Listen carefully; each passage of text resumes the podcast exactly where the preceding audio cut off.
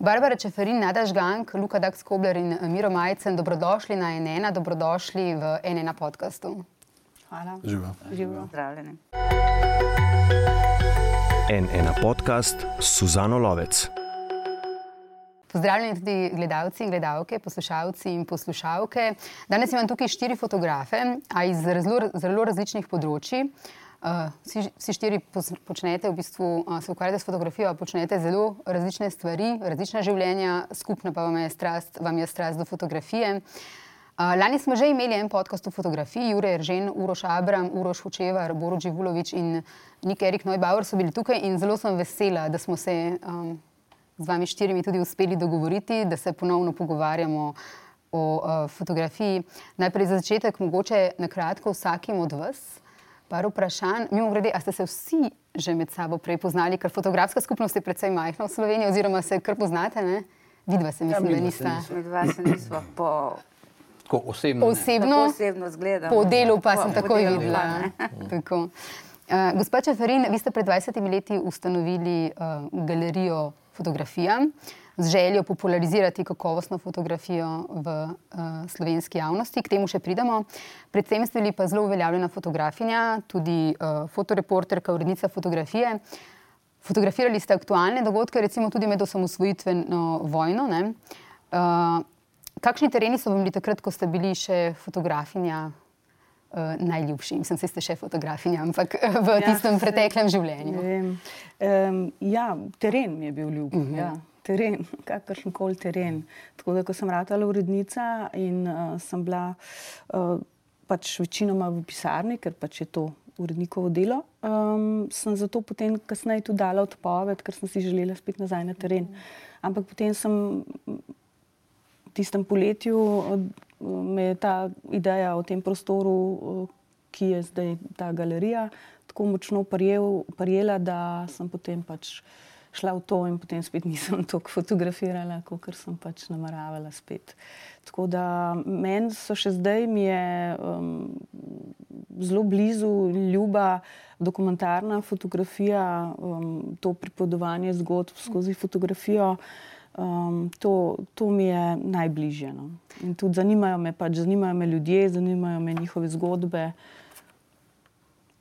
Koliko pa fotografirate še, odkar v bistvu imate galerijo? Je tega manj ali a se še najde kakšen dan, da sploh nič ne fotkate? Seveda se najdem, marsikateri dan, pa tudi na počitnice grem sam s telefonom, okay. zdaj to, ko zmogljiv. Je. A, Se kdaj zgodi, a ne? ampak um, je pač to druge vrste fotografiranje. Uh -huh. Z leti je to. Včasih, ko sem pač bila aktivna fotoreporterka, se mi je zdelo čudno, da kdo gre sploh na kakšen dogodek brez fotoaparata. Ne. Tam nisem imela kaj delati, če nisem imela fotoaparata sabo.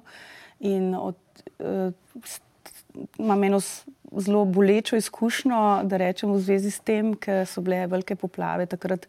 Prve take velike leta 90, ki smo jih, eh, bili, uh, ki smo jih doživeli. Jaz sem bila pri babici v Laškem, brez fotoaparata, zaprta v Laškem, v katerega so si vsi že- želeli priti, jaz pa ven nisem mogla. Pa nisem imela fotoaparata, pa takrat ni bilo zmogljivih telefonov. Tako da to je ena taka bolečina, tako te boli, fizično te boli vse, ker ne moreš um, narediti. Ne, nimaš fotoaparata, ne moreš fotografirati. Ne? Ta izkušnja je bila taka. en- Če si enkrat. fotograf in ne moreš fotografirati, ko se nekaj dogaja. Tako je. Ja. Drugače pa vse čas že eh, še, eh, vseeno fotografiram za gledališče, mm. tako da zadnjih 6-7 let za Anton Podbevšek teater. Um, poleg tega pa še za kakšne produkcije, kjer me pač uh, pokličejo. Uh -huh. Tako da, če brez tega pa bi mi to zelo, bi mi zelo manjkalo. Uh -huh. In si v bistvu ne predstavljam, kako bi funkcionirala. Uh -huh. Mogoče tudi v galeriji ne bi bilo več. Ne, to, je, to je nekaj drugega, ampak malo se hecam. Ampak, ja, fotografija je velik del mojega življenja, tudi ta aktivna fotografiranja. Mm -hmm. Gospa Žgank, če bi jaz morala izbrati fotografijo iz vašega dela, če bi jaz morala, bi to bili vsekakor ti izjemni portreti kraljev ulice. Eh, Kako nastajajo kralji ulice, portreti njihovi in eh, kaj vam oni dajo in kaj vi njim?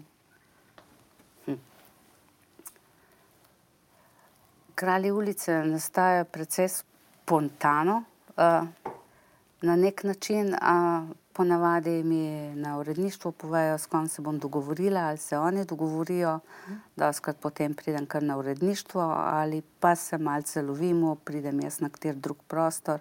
Značilnost teh fotografij je, da so vedno delane z naravno svetlobo, nekje zunaj. Zdaj, eni imajo zelo veliko časa in se radi družijo, in potem uh, se malo sprehodimo po mestu na določenih mestih, kakšni se pa tu strašno mudi, ker uh, pravzaprav. Uh, sploh če so vmes še kakšni odvisniki ali če imajo slabše razmere ali karkoli, to je kar tekma s časom, že vsako jutro. Zelo zanimivo mi je, kadar imajo velikih ima tudi kakšne živali, mhm. predvsem pse. Ne? Mhm. To je na ulici tudi kar pravzaprav neka varnost in tvoj sopotnik skozi življenje. Moram povedati, da tem psom se doskrat uh, godi zelo lepo. No? Mislim, ni, da bi zdaj mislili, da so zanemarjeni ali kar koli skozi človekom, skrbijo si, delijo stvari. Uh, je pa res, da ko pomislimo na kralje ulice, mislimo na ljudi, ki živijo na cesti, ne? ampak ni tako, teh je zelo, zelo mal. Uh, večinoma imajo uh, kralje ulice kot organizacija pač uh, uh, programe, ki poskrbijo za neke te nastanitve, za neke podporne sisteme, da človeku nekako pomagajo. Uh -huh. Se pravi, sem spadajo pravzaprav vsi ti, ki so se odločili, uh, mislim, da sprejmejo to pomoč. Uh, neki so že zelo dolgo tam, drugi manj. Tako da zdaj samo fotografiranje je pa tako. No, enim, uh, Je zelo pomembno to, da se bojo izpostavili na naslovnici, to pomeni, da bojo tudi mogoče boljše, pa več prodali. Uh, Um, eni so pa bolj sramežljivi in mogoče jim je to, ne rečejo ne, rečejo ja, ampak uh, kaj se vem. Pač pazim na to, uh, njih, da jih fotografiram tako, kot oni želijo. Mm -hmm. Uh, zdaj, nekaterim je pravzaprav vseeno, eni imajo izbrano, hočejo biti, včasih sem imela občutek, da delam z opasijo revijo. Vem, da je bilo enkrat pol leta zaporedoma, ko so vsi imeli in to je na naslovnici. Puška. Ja, seveda, puška, puška ne? in potem moš pač škader narediti tako, da še bo za napis in se skupaj in potem se več ukvarja z živaljo, oba dva, ne kot pa z. Tem portretom. Uh -huh. tako da, to so tako simpatične izkušnje. Uh -huh. uh, vi ste diplomirali iz agronomije. Med študijem ste bili prostovoljka v romskih naseljih v Sloveniji, kjer ste delovali kot fotografinja in tudi sicer dokumentarno fotografijo ustvarjate, predvsem na socialnem področju, pa tudi umetnost, kultura. V pravkar minulem letu, ne, uh, lani, ste pa dobili nagrado Ženske v ženska, gre za nagrado mesta žensk. Uh, kaj vam pomeni ta še precej sveža nagrada? Ja, tako kot so pravzaprav zapisali, ne, je že spremljam določene dogodke. Na mestu žensk sem začela že leta 1999 in potem uh, razno to sceno povezano z LGBT sceno, feminističnimi dogodki, um, um, prizoritvenimi umetnostmi, performancem na, na vladni sceni. In se mi zdi, da uh, ker v določenem tam okrog, naprimer, 2-5, 2-6 časopisi niso več tako pokrivali, ne, da je zelo pomembno, da ostane ta dokumentacija. Mhm. Potem vidiš to z današnjega časa, ko ti kdo reče, jo je dobro, da smo takrat vse to fotografirali, pa da si ti tudi prišla kar tako kdaj. Ne, zaradi tega zgodovinjenja, mm -hmm. se mi mhm. zdi, mm -hmm. tak, da, da je pač temu botrovala ta nagrada. Mm -hmm. Miro, midva sva uh, sodelavca iz bivše službe. Nekoč so mi so, bivši sodelavci dali, uh, poklonili eno tvojo fotografijo, ki se zdaj seli z mano, kjerkoli so na službi, gre ta fotografija z mano. Ti veš, katera fotografija je to. Bomo o tem, ko pridemo do konkretnih fotografij, uh, o njej uh, tudi rekli par besed. Um, ti si imel pred nekaj leti hudo nesrečo z letalom. Uh -huh. Cela Slovenija v bistvu je stiskala, sploh pa mi, ki te poznamo osebno. Uh, smo stiskali pesti uh, zate. Um, ti si nekako uh, čudežno okreval, najprej čudežno preživel, potem pa čudežno okreval. Uh, in zdi se, da si odločen, tako, da, da pač ta nesreča ne bo srednja točka v tvojem življenju, nekako tako te, te razumem. Ja. Um, poklon, res poklon. Um, kako se je bilo spet vračati v vsakdanje življenje, kako te je spremenila ta um, preizkušnja in kdaj si začel spet fotkati? Moje prvo vprašanje na Soči je bilo, kdaj bom lahko hodil.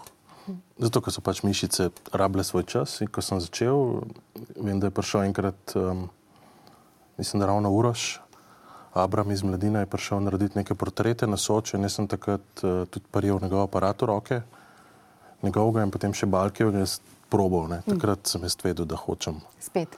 Ja, da, to je del mene. Mm. Pač nekaj, kar pogrešaš, ne? kar si tam. In že ko sem tam ležal na Soči, sem razmišljal, kje imam jaz fotoaparat, da bi lahko slikal, ne?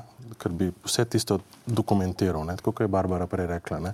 Bila je tam ne? v centru nekega dogajanja in želela to dokumentirati. Jaz sem razmišljal, kako bi to, ampak sem potem hiter, mm, sam se je prepričal, da se sfokusiraj na, na svojo zgodbo, pa na svoje ukrevanje. Za vse ostalo bo bolj še čas in je tudi prišel. Ne. Skratka, zelo hitro si začutil, da, da hočeš spet uh, Ja, fotografirati. normalno. Jaz mislim, da to, to je bila taka pauza, bom jaz rekel, ne, fotografska. Uh, je pa tako, da v bistvu ti tudi še zmeraj letiš z letalom. Ni, Ja. To te ni ustavilo, ta nesreča? Ne, straha nimam. Ne. Z- Vsaj zaenkrat se mi nič ni pokazalo, kakšni flashbackov ali karkoli, da bi imel s tem probleme. Nimam še, nisem še formalno, bom rekel, mm, dobil licence nazaj, ker je to povezano s tem, da dobiš tudi medikal in tako naprej. Ni nekaj korakov formalnih, ampak zraven, neformalno, pa brez problema že večkrat. Uh -huh. Tudi pozabo nisem. To je tako nek občutek, ki ga dobiš, ne?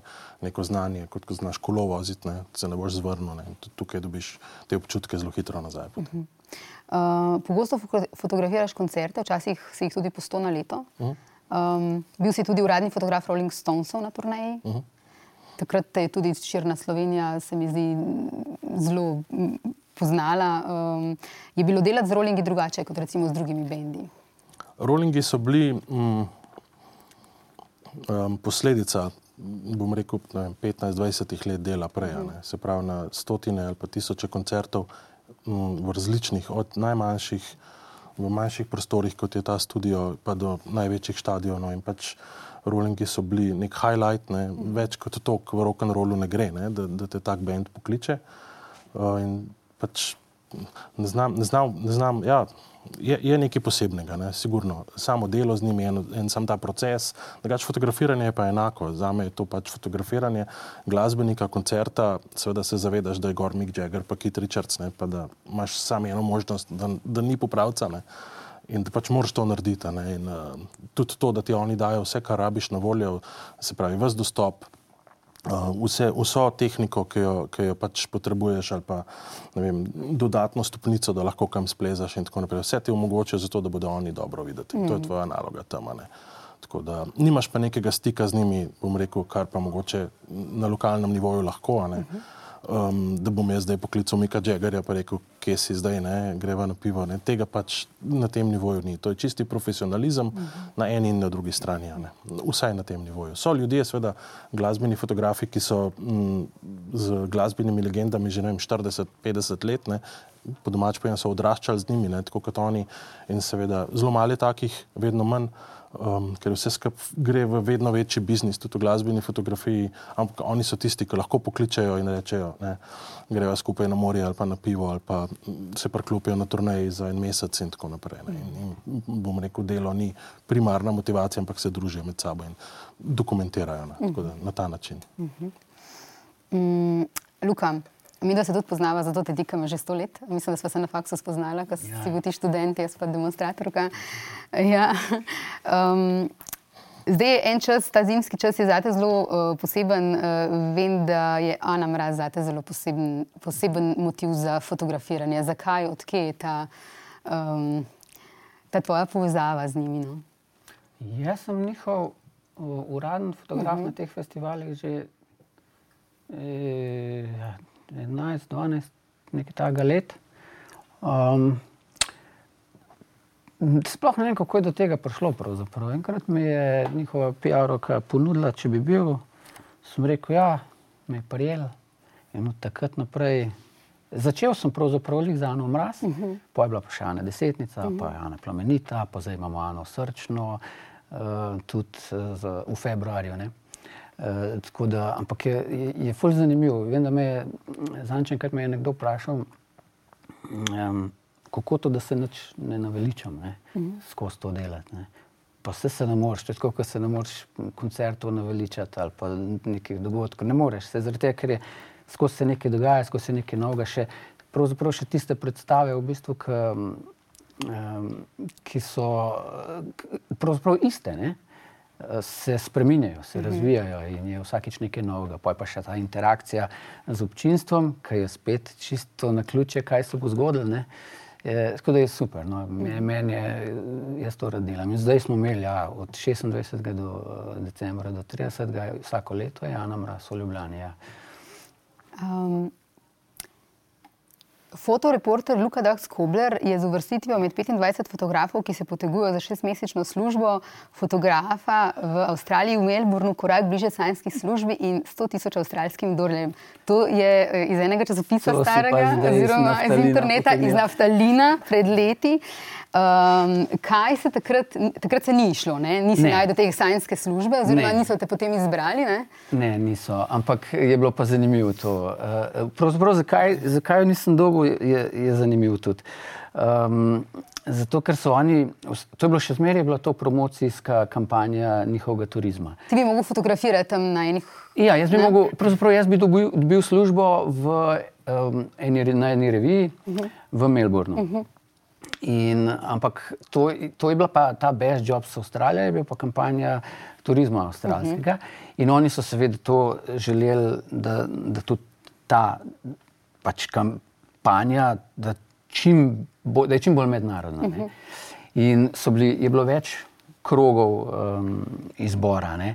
In smo mogli mi potem najprej ne, um, ne slavne ljudi, da so nas podprli, pa tako tukaj je bilo pri meni, bilo, so bili vsi hitro zainteresirani od uh, Alje in tako naprej, um, in pa športniki pa tako.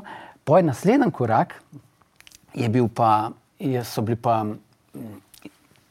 je bila pa javnost, uh mhm. -huh. ampak bilo, oni so želeli čim bolj mednarodno. Uh mhm. -huh. In seveda, pri nas, mi tega dometa, pa tudi jaz kot fotograf, seveda nimam, ne, če to mednarodno. Uh, tako da je bilo ful, je bilo um, odziva, podpore. Uh, ni bilo pa veliko tujine podpore. Mm -hmm. In pa sem šel gledati, kdo je domov, so bili to, so bili to nek, neki ljudje, ki so imeli podporo z celega sveta, mm -hmm. tako ogromno, ogromno ljudi. Mm -hmm. In to so oni želeli. No. Mm -hmm. da, ja, ampak nič ne. Je pa tvoja uh, najljubša stvar dokumentarna fotografija? Ja, približno točno to, kar je Barbara. Tako, ja. tako. Kakšna je uh, razlika med dokumentarno fotografijo, novinarsko fotografijo in umetniško fotografijo? Mogoče gospa Barbara najprej. Smo v šoli. ne, mislim, vsaka fotografija je zelo širok uh, pojem, ne, zelo široko področje.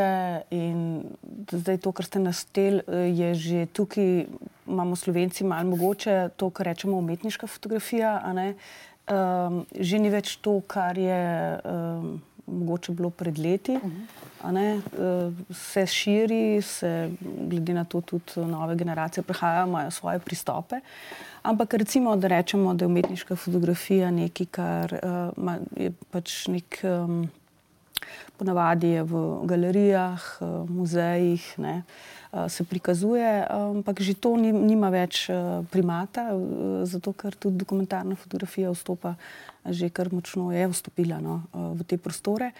Uh, tako da uh, novinarska je seveda omejena uh -huh. na mhm. časopisje, in, oziroma se reče novinarska tudi, če je na internetu objavljen zdaj in tako, ne, seveda se so mhm. novinari in tako, ne gre samo za časop, uh, tiskane izdaje.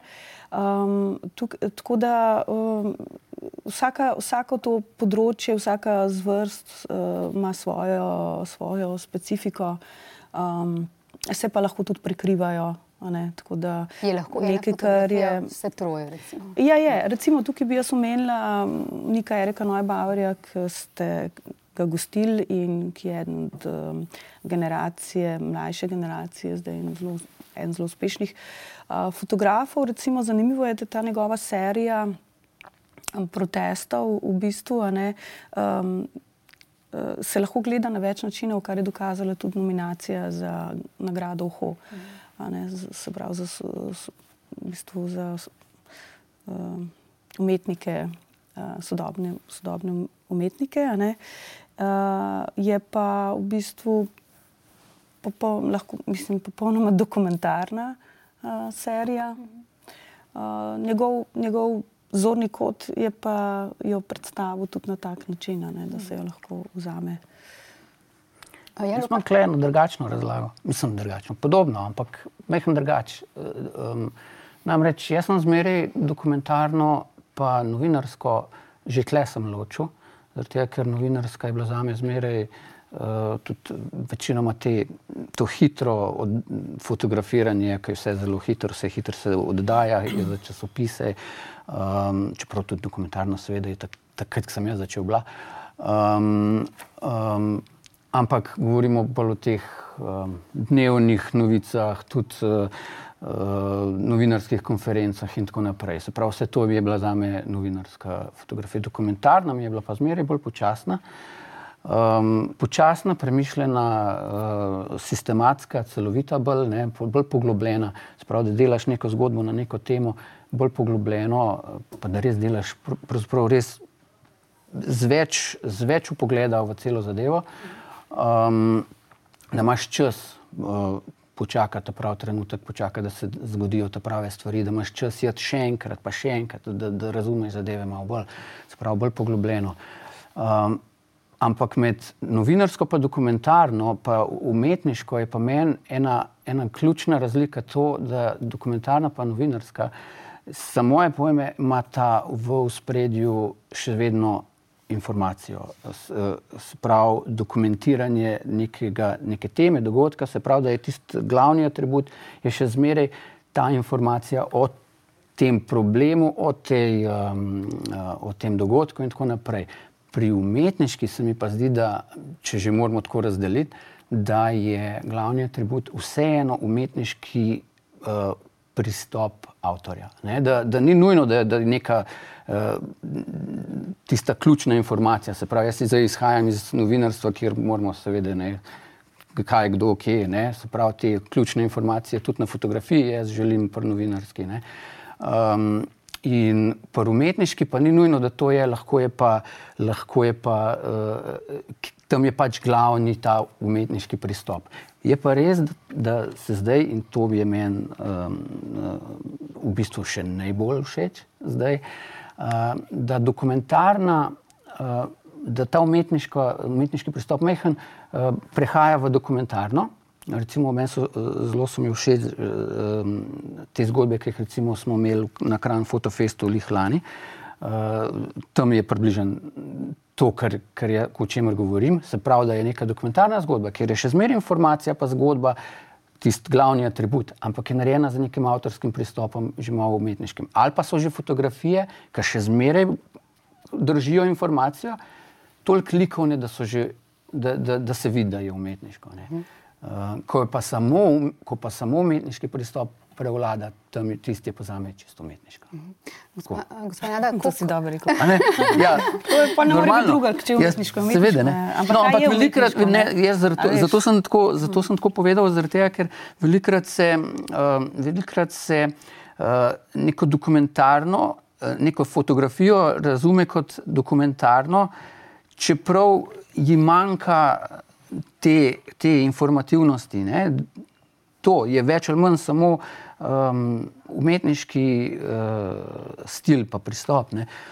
To tle, tle bo v naslednjih letih, ker se vedno več, tako, ker gre vse v to smer, tle bo treba, uh, bomo mogli kmalo uh, se naučiti delati razlike. Ne. Sam se v bistvu ne vem, če je sploh smiselno delati razlike. Mm -hmm. Mislim, da živimo v času, ko se te stvari zelo prepletajo. Ja, v bistvu, veš, v bistvu imaš prav pač, zdaj. Ja. Zelo, mislim, Ne, ni več um, drugih možnosti in izraznih sredstev. In tudi fotografija sama, mislim, če gremo v tem, se razpredajo že v tem, ali je to zdaj sploh še fotografija ali ni fotografija, ker je digitalno. Veš, pa lahko tle zabredeš v ja, marsikaj. Mislim, da se je po vseh teh stvareh mogoče treba držati določenih zakonitosti, ne, ki so vse splošne in veljavne, obenem pa se malo bolj sprostiti, pa videti, gledati ja, kvaliteto ja. Um, rezultata. Ne, ne, ne te, te razlike so v bistvu bolj, bolj pomembne, kadar govorimo o medijih. Ampak mediji zdaj tak teh uh, fotozgodb ne objavljajo več, Je tega. tako da v bistvu gre to zdaj vse v sesel v galerije, pa na festivale. Tako da, ja, Barbara, imaš prav. Ja. Um, v bistvu niti ni nujno toliko teh razlik več delati. Ne. Gospod Žgank, uh, kako se uh, razlikuje vaše delo glede na to, kdo je naročnik, kdo je tisti, ki vam naroči nekaj? Kako lahko to vpliva na način vašega dela ali ne? Mislim, da imajo vsi naročniki s temi, ki, s temi, ki delam, približno enaka pričakovanja. Seveda je pa zdaj odvisno, ali gre za dokumentacijo dogodka, ali gre za dokumentacijo predstave, ali sem že prisotna na vajah, ali je treba narediti neke režirane fotografije predtem. To imam pravzaprav zelo rada, kadar še nikje, kadar, ko je najprej samo neka ideja in si je treba skupaj z avtorjem, avtorico ali ekipo zmisliti uh, neko situacijo in jo zrežirati. Včasih je pa to tudi kar na odru ali na kakšnih vajah ali potem spontano gratano.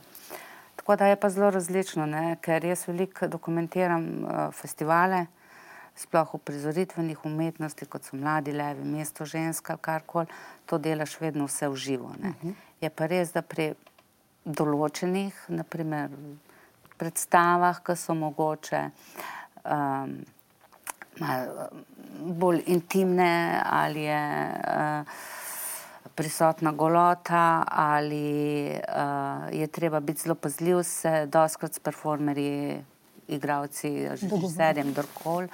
Prej pomenimo, na kak način bomo to dokumentirali, kje se bom lahko gibala, da jih ne motim. Seveda, moš pa obvezno, kadar delaš v živo, pazi, da ne motiš publike. Tako da sej, kadar so tudi ponovitve, imaš možnost še enkrat priditi, sploh kadar nimaš te možnosti se premikanja. Smo se že tudi dogovorili, naprimer, ker je bilo tok teme, ker sem prišla na vajo in je performanka vsem želela imeti fotografije, uh, da smo uh, še enkrat naredila performance samo za mene, kjer smo dvignili luč, uh, ne, tako kot je ponavadi tudi v gledališču, naprimer za preširnovo gledališče, kjer delam, da imaš pa pravzaprav uh, vaja, predstava, ki je samo za fotografiranje, se pravi, da je vse že narejeno, scena, kostumi, maska, ker pač za fotografijo to more biti. Še najmanj je pomembno, če se kdo zmoti v govoru. ne. Tako da. Uh, Miro, razlika recimo med uh, pokrivanjem ne vem, dogodkov, ki se dotikajo politikov, uh, dogodkov, uh, športnih dogodkov, pa recimo koncertov. Eh, Kar po vrsti našteje. Mogoče je tebi najlažje? Ne? Um, jaz osebno zelo rad slikam vse, kar si naštela, še najmanj mogoče, bomo rekli, ta navaden šport, v narekovaju. Uh -huh. Veliki dogodki prenesejo neko, neko, neko dogajanje, neko zgodbo. Ker greš pa ti slikati v nedeljo prvo ligo v Dravograd, ko igra Dravograd proti spodnjemu Dupleku, zdaj ne, karikiram. Mm, treh sred poletja, ne, se smo vsi ljudje. Ne? Ampak še zmeraj je tudi tam fotka, to si vedno rečemo. Čeprav doskrat je ni ne, in pač samo zato, da zabeležiš, da je naročnik zadovoljen in, in greš po domač po eno brtniško. Žal je tako, čeprav ni dober. Ne? Ampak se tudi s koncerti je kdaj tudi tako, da greš kaj slikati, kar moraš, kaj še en koncert. Ampak še zmeraj, tudi če je tam gor nek artist ali pa nek pevec ali pa skupina, ki ga jaz ne poslušam, ne, še zmeraj so pa kadri, ki jih moram videti. In mogoče je to tudi. Mogoče nisi obremenjen s tem, da poznaš njihovo glasbo. Jaz, ko slikam, vem, Lajbahe ali pa ko slikam Kristina, vem točno, kaj se dogaja. Ko pa grem na nek, bom zdaj rekel, Balkan koncert, ki še nikoli nisem bil, pa pride ob enih po noč ceca gor, ne, pa ne vem, kaj se bo zgodilo. In takrat mogoče uči malo drugače delajo in razmišljaš. In že prej se malo drugače pripraviš, spremljaš okolico. Tako, tukaj so te moje glavne razlike. Kar se pa tiče politike, je pa spet tako. Ne. Um, Doskrat smo omejeni s tem, kaj lahko. Ne. Velikrat se pojavi vrvica, ne, da ne smemo. Ne. Se pravi, imamo sam nek lep centralni pogled, ne. neki PR-ovci nam zrežirajo situacijo, tako da pa vse skupaj postane gledališče. Ne. Nek politik je naučen, da mora stati z rokami na mizi in jih ne bo niti tako le premakniti, če ne bo treba. Ne. Uh, ne bomo smeli. In potem mi čakamo ved- vedno tiste neke prihode, odhode, neke te umestne dogodke, ko se nekaj zgodi in takrat slišiš, ne, če bi kdo posnel, kaj se zgodi, ko nekomu pade ne vem, kuli iz roke ne, ali pa ga pobere ali pa popije ali pa kaj tazga. Takrat se neke umestne ilustracije dogajajo, ki jih imamo potem. In mi radi, ker nekaj ilustrirajo, in seveda mediji, ki jih lahko uporabijo večplastno. Potem, uh, Gospod Barbara, uh, vi ste rekli pred, letom, uh, pred, za, pred tremi leti za delo, za časopis delo, lahko rečemo, da je trg umetnin pri nas počasen, ne moremo pa reči, da ga ni. Obstajamo in delujemo po pravilih, ki sicer obstajajo na mednarodnem umetnostnem trgu. Uh, kaj bi se moralo spremeniti na sistemski ravni, po vašem mnenju? Um, da bi bila fotografija ali umetniška dela, ampak konkretno mi govorimo zdaj o fotografiji, uh, bolj cenjena. A mislite v občinstvu ali uh, na sistemski, na sistemski ravni? ravni? Država, da bi to ja. bolj cenila. Lahko pa tudi občinstvo, kaj rečemo. Absolutno. Ja, občinstvo vsekakor ceni. Um, je pa treba na državni ravni, kar zelo pogrešamo in bi bilo fino, če se vrne, je um, um, davčna olešava pri nakupu umetniških del. Tukaj ne govorimo samo o fotografiji, ampak na splošno. To je čisto statistično, tudi tisti, ki imajo radi številke, lahko uh, se tle prepričajo, kako, koliko je bil večji promet, koliko je bilo več zaslužka in seveda tudi um, država je pri tem um, dobila svoj delež, uh, dobili so ga umetniki, skratka, področju je to zelo pomagalo in vsekakor bi to zdaj tudi bilo um, zelo dobrodošlo. Nažalost, uh, ni posluha za to.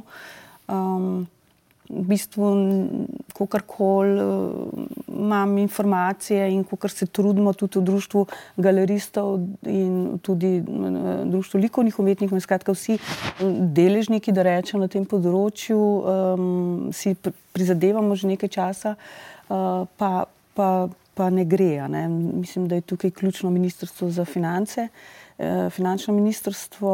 Um, Upam pa, no, skratka, da bo čim prej. To je ena stvar, ne, uh, vsekakor zelo pomembna. Um, drugo je pa ta um, mogoče,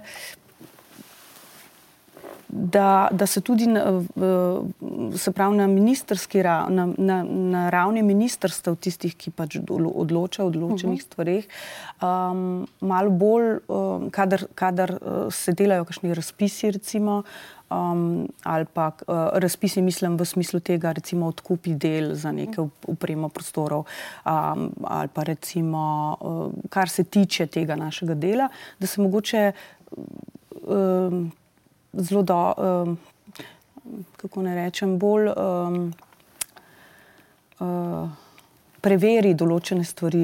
Da, da, nažalost, v vseh teh 20 letih vidim, da nekdo, ki zna lepo govoriti določene stvari, ne, eh, pride skozi in potem uh, izvaja svoje stvari na račun. Ne bom rekel drugih, ampak na račun tega, da pač to uh, da ostanejo. Ni prav, uh -huh. pač ni prav in zato, zato določen, potem se pride do slabih izkušenj in potem zaradi teh slabih izkušenj se potem to področje, uh, zdaj zelo abstraktno govorimo, ne, aha, ker pač. Ne želite ne bo, konkretno? Ne konkretno, ne, ampak um, me pa že zelo dolgo vleče za jezik, da bi uh, pa konkretno govorila. Ja. Ne, ne, ne v takem, um, taki priliki, ampak uh, Vsekakor sem vas prav razumela, da ne odkupuje država najkvalitetnejše uh, ne, ne, ne, to pa ne, ne. to pa sem narobe mogoče tako rekla. Ne, gre, gre za organizacijo, kadar se tiče kakšnih razpisov uh mhm. -huh. za upreme prostorov, recimo to je ena stvar. Da, da ne pride do, do um, nasprotja interesov, recimo, to bi se bilo fino mhm. primer, uh, razmišljati o tem, kdo je v določeni uh, komisiji, kaj ta človek, kako je povezan s kakšnimi umetniki, ne, da se ne zgodi, kar se je, da potem ta človek izbere umetnike, s katerimi sodeluje, pa se pač nič ne zgodi. Um, zdaj sem bila že bolj konkretna. uh, to je treba, mislim, da, da, da, da je tukaj treba uh, paziti, ne, te, ki pač to. Um, razpisujejo, da imajo pogled v to, da so pozorni na to, ne, uh, ker um, se to zelo hitro lahko zgodi, predvsem v takih majhnih skupnosti, kot smo mi. Uh, ni pa to izgovor za to, da se to dogaja. Uh -huh. Mi mhm. imamo veliko strokovnjakov in uh, zato je treba biti na to zelo pozoren. Recimo, to so ene stvari, ki dajo kredibilnost um, uh, vsemu skupaj.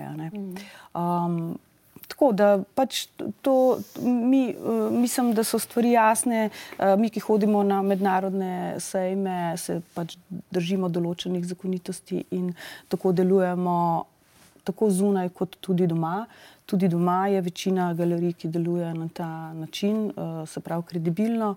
In um, tako da mislim, da bi bilo fino. Uh, če se potem ne posluša, mogoče samo neke posameznike, ki imajo neke svoje agende, ampak da se tle gre na to neko skupno področje. Ne. Bolj transparentno in manj konfliktov interesov, če vas prav razumem. Ja, recimo, upam, ja. da sem prav, da ne bo kdo kaj narobe razumel. Uh, Drugač pa glede odkupov, pa vse v redu, tako da ne bo kdo. Okay. Um, o, o fotografiji, oziroma njeni ceni, o vrednosti fotografije, bi vprašala. To bo zelo naivno vprašanje nekoga, ki uh, ne, ne dela fotografij, jih ne prodaja, ampak uh, ki jih večer konzumira. Kakšna je cena fotografije, posamezne fotografije, od česa je odvisna? Uh, ali je dovolj cenjena fotografija? To je vprašanje. Absolutno vprašanje. Ja, to je štiri, po moje. Ja. ali pa za vse štiri. Torej, kako se določa uh, cena fotografije? Mogoče najprej vas, pa potem še druge. Ja, uh, to, to je zelo.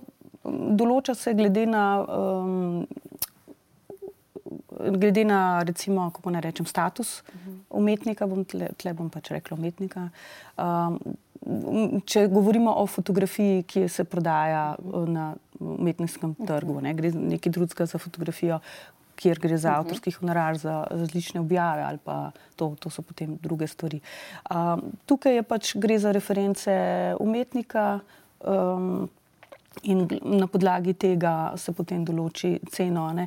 Je pa res, da je v samem, um, pa vseeno je tudi razlika, seveda, v, um, ne toliko, ne, ne moreš samo vzeti meter, pa zmerati, koliko je neki. Uh, je pa vseeno tukaj razlika v tehniki, razlika je v, v, v izdelavi, pač tukaj v fotografiji je razlika, kot je v slikarstvu, je pač nekaj olje, nekaj grafika, ne, nekaj risba. Uh, tukaj pa imamo tudi različne tehnike. In tehnike je tudi odvisna, um, tudi cena, seveda. Um, če je cenjena dovolj, trg um, je, kot sem rekla, je, lahko bi bil pač boljši, obstaja pa in pač se razvija. Pri fotografiji je ta kako ne rečem, cokla, da vsak misli, da, da mm. naredi lahko lepo hmm. fotografijo. Mm. Še posebej zdaj, ko imamo tako sposobne tele Aparat. aparate, mobitele, ne, in potem pač neki rata in je to zdaj to. Uh, tako da, kar je manjko in kar uh, bi bilo fajn izboljšati, mm. mogoče celo v, v samem izobraževalnem sistemu, ne, od otrok, od majhnih uh, naprej, da se posvetijo malo temu, kaj sploh fotografija je. Kako, mislim, pač čisto enostavno je, pač imam terijo neki rata, profesionalc pa bo ve, kaj hoče narediti in bo to naredil, ker pač zna to narediti. In tukaj je mogoče ta, radi, ta radikalna. Um, Razlika. No, in potem pride tudi do cenjenja. Drugače pa pač meni se je tudi zgodilo, da pač pride, še posebej na začetku, so si to upali bolj na glas govoriti v galeriji, zdaj, zdaj tega ni več, če mogoče kdo kaj misli, rajš najprej počaka, pa pol kaj reče, da reče, a ja, za tole stotinko pa to gnarja. Recimo, ne, tu se vse meri z nekimi časovno, to, a ne, mislim, to je tako, kot ne vem. Okay, zdaj pridemo, recimo, Miro, uh, Luka. Um, Katem... Tega ni več, ne, tako, da, rečem, to je samo en tak zelo, da ne bo kdo mislil, da to zdaj ljudje Redno. Ne, ne, ja. ni res. Eh, in uh, vidim razliko. No. Uh mhm. -huh. Sicer 20 let, ampak jaz vidim veliko razliko v odnosu do fotografije. fotografije. Uh, kako pa vidva to občutite? Ali se vam, se vam kdaj pri vajenem delu uh, zgodi, da v bistvu ali naročniki ali občinstvo ali kdorkoli pač na ta način dojema fotografijo, kot to je nekaj, kar si zmoremo, kar si znamo? Vse veš, danes vsi gledamo fotke tako, yeah. in smo bombardirani z 1200 yeah. podobami na minuto. Ne, se kdo spomni, kakšno fotko tri dni nazaj, ne? nobene, ne? vse grem jem. Ne? Tudi ljudje tako dojemajo. Se, pravi, se zgodi koncert, jaz naredim 20 fotografij, dam v galerijo. Next, to je to in to je dojemanje. Nasled, čez tri dni jih najdem na Facebooku nekoga drugega, brez podpisa, uh -huh. da so moje. Uh -huh. In potem nekaj časa, seveda, rečem, lahko podpišete, ne? in seveda ok, sem pozabil ne, in tako naprej. Ni več tega zavedanja, da mora nekdo to avtomatično narediti s tem, da se avtor na ta način izpostavi. Ne. In doskrat grejo tudi ponudbe v to smer. Ne. Se pravi, da nam ti fotografije, te bomo podpisali. Ne. Pa vejo, da imajo pravka s profesionalcem, ki pač živi od tega, ne. ampak uh -huh. te bomo podpisali. Ne. In um, doskrat se zgodi to tudi za ko te pokliče nekdo, da bi rad kupil fotografijo, zato da bi upremil eno steno lokala. Ne? Pa, pa se plačam izdelavo. Ne, ja, tako, ja, plačam izdelavo, recimo, ja, ja, ja, tako, ja, na ta način. In uh, doskrat se to dogaja, oziroma meni se je to že ne, petkrat, desetkrat mm. zgodilo. Ne? Um, enkrat sem imel tudi eno razstavo, kjer je bilo dogovorjeno, da bo človek pač um, obdržal tiste fotografije na zidu in jih kupil. Ne? Jaz sem seveda bil že dost pameten, da sem rekel: v redu, ampak boš ti plačal fotografije in razvijanje in ukvarjanje in postavitev in vse, kar nima jih en strošek, ne vem, za 20 fotografij, ne, nekega normalno velikega formata in potem človek ni ene fotografije odkupil ne, na ta način. To so zelo take neresne zadeve, se dogajajo. Ne. Uh, Doska dobim recimo request, da mi pošelj uh, kar file, pa bomo sami sprintali, ne, tako na ta način. Ne. Ali pa se recimo neka fotografija, nekdo kar vzame iz interneta, jo sprinta in jo nekomu, um, potem jo kar naenkrat najdeš nekje, ne, v nekem lokalu sprinta. In moj kolega recimo iz um, Rašič Brian iz, um, iz, iz Belga 40 let slika rock and roll, enkrat je pa šel z mano v, v en lokal v Portorožu in je najdel svojo fotografijo Mika Jaggerja, David Bovija. Um, in um, pozabil sem, še en, še en je bil zraven, v glavnem legendarna fotografija, ko oni v backstageu sedijo, zraven pa cena veliko pivo, malo pivo, srednje pivo. Mm. In so želeli od njega, da se podpiše gor, in seveda je rekel, da se ne bo. Ne, ker, ne. Ampak tega je ogromno, žal. Tako, danes smo prišli na tako obdobje. Jaz pa mislim, da tisti, ki pride v galerijo, je pa pripravljen. Gre z namenom tja, ali da kupi knjigo fotografsko, ali da, da si kupi ja. neko, eh, neko lepo fotografijo. Jaz si doma opremljam en zid, kjer si dajem fotografije drugih avtorjev, ki so meni ljubi. In ko vidim recimo na kakšni znani svetovni, ne vem, Seven agenciji ali pa Magnum, kakšno akcijo, sem že večkrat mm. kupil kakšne manjše slike ne? in si jih potem zraven. In tudi z našim fotografom, barem, sem se zmenil, da si izmenjamo svoje fotografije, ker pač cenim to. Mm, ja, to, to, je, to je stvar. Eh, K... Mislim, prej razumeš, da nekdo, lajk, recimo, da tako gleda na fotografijo, da ne razume, mislim, ali pa da mu moraš vse reči, mm.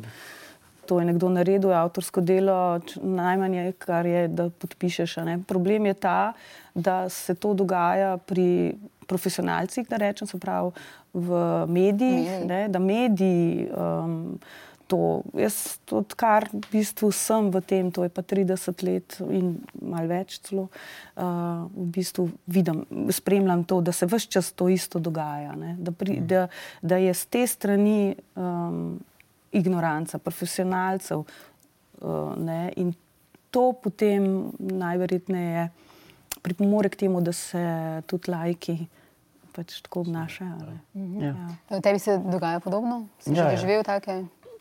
Sem, ampak zdaj, zadnje čase, nimam več tega. Imam svoje naročnike, ki to uh mhm. -huh. razumejo in je v redu, ampak se pa strinjam popolnoma, da se, da se tako dogaja. Več, več kaj je fotka, zdaj, ko vsak fotka s telefoni.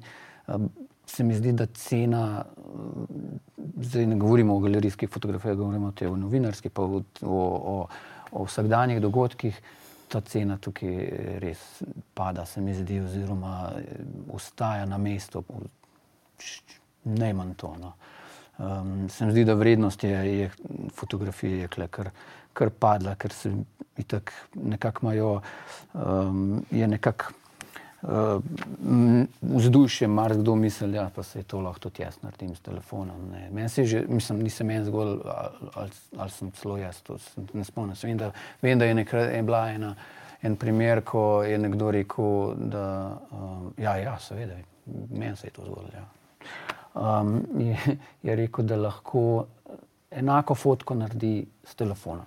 Ne. Bilo je nekaj, ne vem, nekaj stele objektiva, pa ne vem, kaj še vse. Kaj je naredil? Ja, jo je naredil, spozumiral na telefonu, je bila, je bila kar impresionistična slika, tako vse spacan, nič ni svidel, poln motečih elementov okoli in tako, ampak problem je, da, da pojka oni to probajo. Um, je problem ta, da on ne bo rekel, jaz sem imel prav. Ne. Ne, je rekel, jaz sem čest dobra. Mhm. In to je problem, ki ga vidiš, nažalost, velikrat tudi v kakšnih uredništvih, pri naročnikih, ne, ki reče, da je Anything čisto dobra. Sam- sam, telefonom." da imamo, ne? Sam, da imamo, Sam, da točno imamo, to. ja, ja. ne. In sploh ne gledajo, kaj dosti na, na, na kvaliteto več. To Ali je pa recimo se dogaja tudi to rezanje, to mene vedno srce boli, ko vidim. Ja, ja. Instagram, Instagram obglavljanja. Ne? Se Ja, pravi, ja. nekdo objavi galerijo petih slik na Instagramu, namesto da bi bile v nekem lepem formatu, za katerega mi trdo delamo, da slika lepo izpade. Ne? Ja, ja.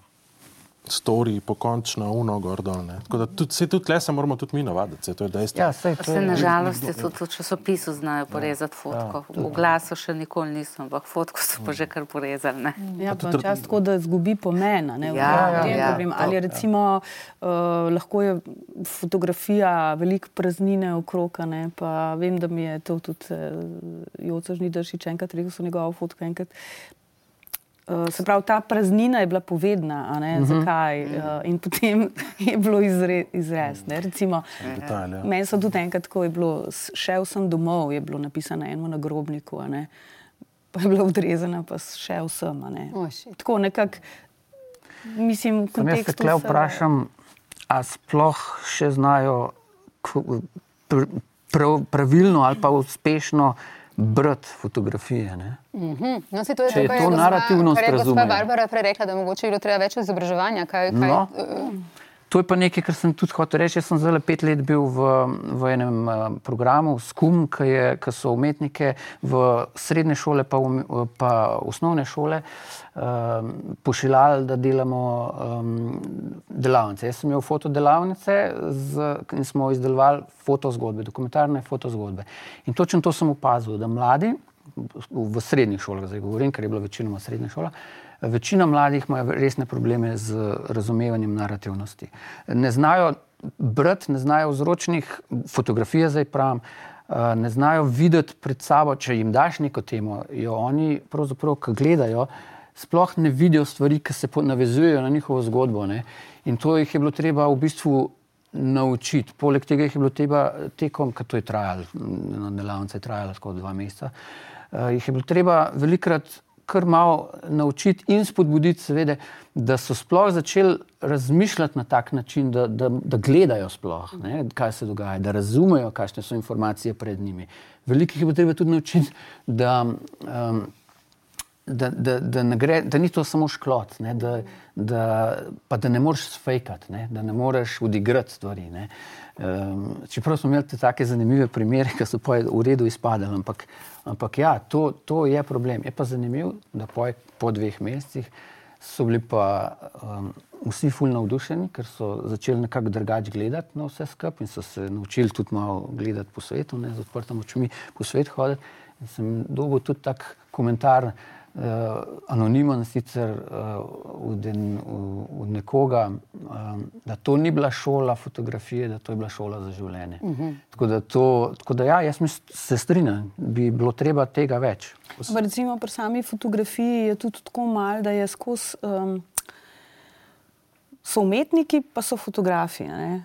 Uh, tukaj je mogoče škoda, da se to tako, na, predvsem v, mislim, da v naši uh, srednji slovenski se to zelo uh, ločuje. a Ne? Nekdo je umetnik, um, tiska pa, ali pa Ja. je umetnik, ki uporablja fotogra uh, fotografijo za svoje izražanje, ali pa Fotograf. fotograf. zdaj, ko to govoriš, se mi zdi, da je to zaradi tega, kot sem prej rekel, zato ker mi nekako, vsaj mi nekako ločimo na to, kar ne bi mediji objavljali, kar smo, ne, in tisto, kar gre v galerijo, to se pa zdaj, kot Ne, si ne, rekla. to, že, to že, ampak v samem, mislila sem v samem tem okolju. A ja, bom eh, verjel. recimo umetniškega ustvarjanja, ja. imaš uh, nekoga, ki je, uh, ki vse čas pač fotografira, ki je fotograf in je pač ravno tako umetnik. In pa imaš nekoga drugega, ki pač je um, multimedijski umetnik, pač različne um, tehnike uporablja pri svojem ustvarjanju. Ena izmed njih je tudi fotografija, ampak potem je uh, on umetnik, ta je pa ne vem, če Ja, lahko ja, če- ja, to Hočem reči tako nekako. Um, uh, Mogoče se preveč uh, na to um, mm. ne, um, um, Um, Bertolt je bil eden od sopotnikov in impresionistov, mislim, in je lih tako bil pač en del njihove družbe, pa se to zdaj včasih, ker pač ni, ne ve toliko, ne, ali pa Mhm. ne vem, skratka, skozi je nekako. Potisnjene na stran. Ja, mogoče. a ne. Uh, zdaj lahko bi dolgo razpravljali, zakaj to tako je, ali pa kaj se je skozi zgodovino mm, v preteklosti dogajalo.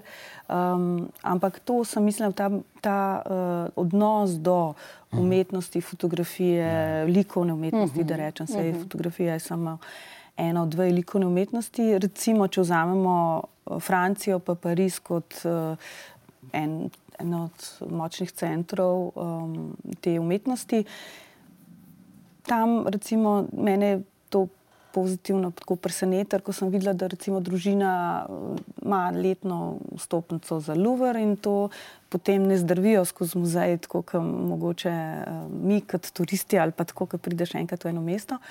Ampak seveda grejo vsak teden, v nedeljo, v soboto, gledati eno sliko ne, z otroki in potem se o tem pogovarjajo. Ne. Uh, tako, mi je bilo fajn jih opazovati, da so tako. Uh, in tako, in pol naslednjič drugi, in tako. Ne. In vse pri nas, to, kar jaz opažam, je, mi, sem zelo vesela, ker vidim, recimo, polno narodno galerijo, uh, ne, pa vidiš, da je ta odziv, pa z leti, in to niso več neki zaprašeni prostori, kamor ljudje pač ne grejo. Grajo, ne. Tega je zelo veliko, ampak um, mi, mislim, skozi to uh, se kali ta tudi, da rečem, ljubezen do fotografske umetnosti. Uh -huh. uh, to, kar smo zdaj govorili, gospod Nada, uh, torej to na kak način ali še znamo gledati, ali mlajši še znajo gledati, ali tudi mi v tej poplavi podob, o tem smo tudi zadnjič govorili s fotografi, ki so bili tukaj veliko. Um, ali naš pogled postaja, a vi kot fotografinja opažate, da postaja bolj, um, ne vem kako ne rečem, mlačen, v bistvu nefokusiran, da ne znamo več gledati fotografijo, tudi mi, naša generacija, hočem reči. Ali je to um, odvisno res od vsakega posameznika? Mislim, da je odvisno od vsakega posameznika. Je pa res, da smo danes tako bombardirani z vizualnimi stvarmi, da uh, enostavno uh, se moraš uh, disciplinirati k temu, da greš nekaj pogledati, da si vzameš čas. Jaz tudi vem, da na otvoritvi, naprimer, ne bom kaj veliko pogledala. Uh -huh. Tudi, kadar fotografiram kakšne stvari, uh, vem, da jih bom mogla iti še enkrat pogledati. Ne. Naprimer, če dokumentiram razstavo, koliko grem potem še enkrat uh, fotografirati postavitev. Ne. Tudi pri določenih uh, predstavah ali kakorkoli. Je pa res, da ne vem, težko rečem kako, ampak uh, se mi pa zdi na en način, uh, zdaj, ko lahko na telefonu res narediš zelo, zelo dobro fotografijo, ne, ko jo potegneš pa v računalnik ali pa hočeš sprintati, pa ni več tako dobra. Ne. In se mi zdi, da so na nek način vsej eni, uh, ki jih tako poznam, začeli to mogoče malce bolj ceniti, uh -huh. ker so ugotovili, da vzame delo, uh -huh. da na telefonu si mogel ti posneti deset fotk, mogoče tudi kar na koncertu. Jaz tudi dost koncerte fotografiram, jazz naprimer. Uh, pač, in da jih moš potem zbrati, da jo moš prenesti na telefon, jo moš poslati, ker se bo sprintala, da ne gre, da pravzaprav to vzame nek čas in da tudi med koncertom ne moš tako fajn uživati ali pa poslušati, da moš biti na kaj skoncentriran. Se mi zdi, da um, to je naprimer um, lahko tudi ena izmed dobrih lastnosti, no? ker uh, med uh, Po drugi strani je pa tudi to, da se vidi, da je pravzaprav že zdaj z digitalno fotografijo, kar je fotografija vedno bila, da je lahko ena velika manipulacija. Da je zelo odvisno od pogleda, najprej fotografa in potem seveda, kako je prezentirana. Ne. Zdaj, uh, zaradi tega so tudi nastajale včasih agencije uredništva, kjer se je pač spoštovalo uh, pač to, kar je fotograf hotel povedati, kako in kaj. Ne. Se tle ena krasna knjiga, ki je bila meni tako neka šola od uh, tele.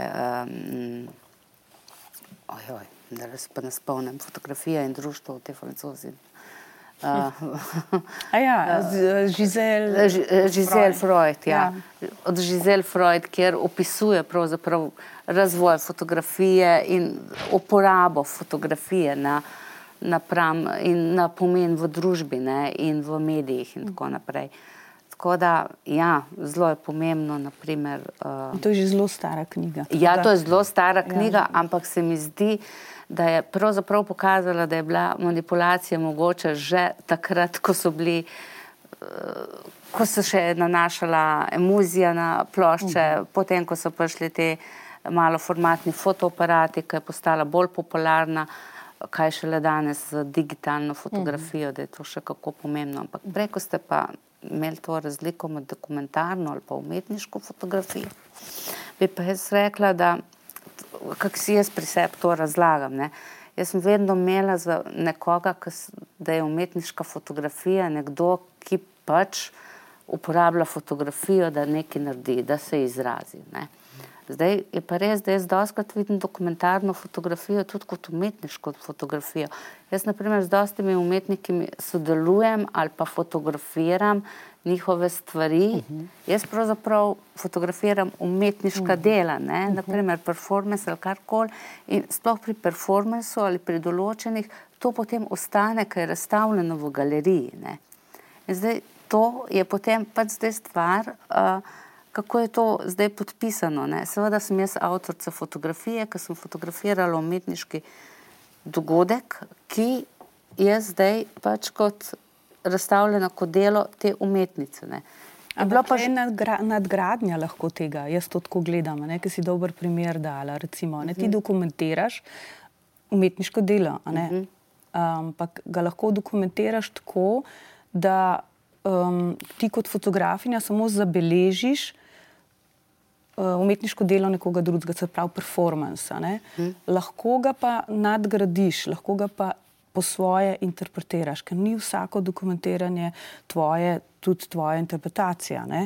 Lahko ga pa, uh, a veš, lahko daš daljši čas, lahko daš ne vem, neke Ja, ja, ja, stvari in seveda. takrat je pa pol to tvoje umetniško delo. zdi, Ne? Da recimo. ne, mislim, da Jaz veliko no. uporabljam te daljše ekspozicije ali pa dvojne ekspozicije, tako pri sodobnem plesu ali naprimer pri kakšnem pripovedovalskem festivalu, kjer imaš čas, da se igraš ali karkoli.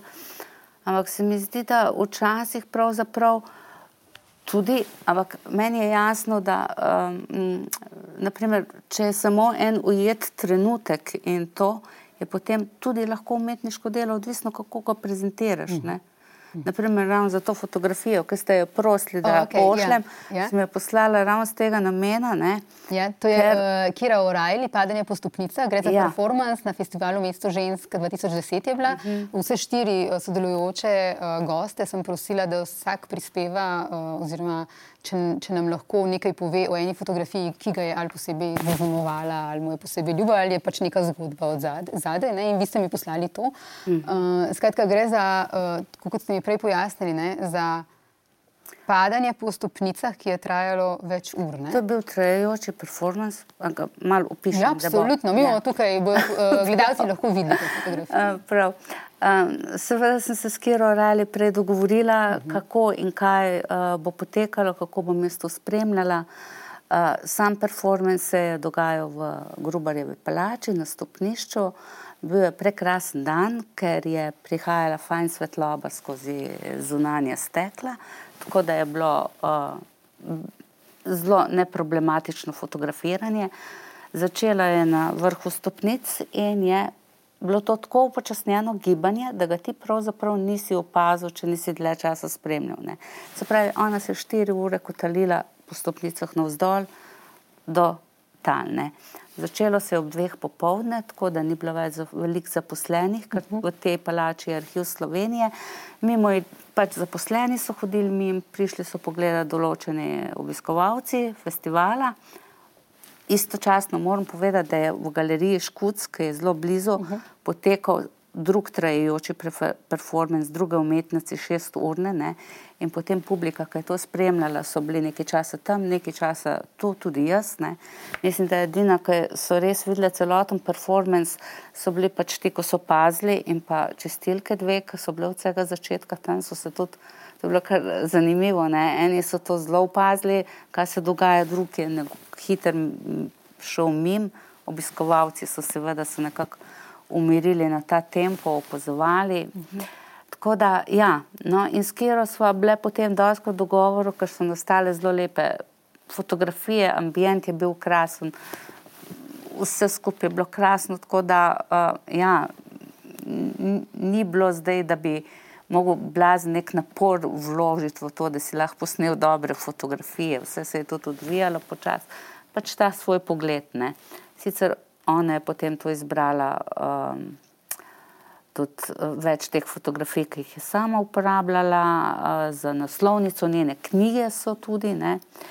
In potem so enkrat mene um, kontaktirali. In jaz sem pa tudi uporabljala to fotografijo za en serial, ki sem naredila na mesto ženske razstavo iz samih performancev. Ne. In uh, seveda vse v, z dogovorom v, z umetnico, ker uh -huh. ipak je to njeno umetniško delo fotografirano. No, ampak potem je prišlo pa neko povabilo z prodajne galerije, se ne vem, je drugač prodajna, ampak to je bila prodajna razstava v galeriji Z22 v Berlinu. In je bila ena skupinska razstava, ne? in potem, kasneje, zvem, ko so poslali pogodbo, da bo prodajna, in zdaj kako podpisati. In potem je bilo pač zdaj malo drugačen podpis. Ne? Tako kot sem vam tudi poslala, seveda v, v dogovoru z umetnico, ker sem bila jaz na prvem mestu in potem dokumentarna fotografija, performansa uh -huh. tega in tega, te in te umetnice. Uh -huh. Ker ponavadi je pač obrnjeno, najprej kdo, kaj, kje. Ne? In uh, potem, ne, ko smo se o ceni pogovarjali, ne, smo se in z umetnico pogovarjali, kako zdaj povedati ceno. Mislim, kako, ne.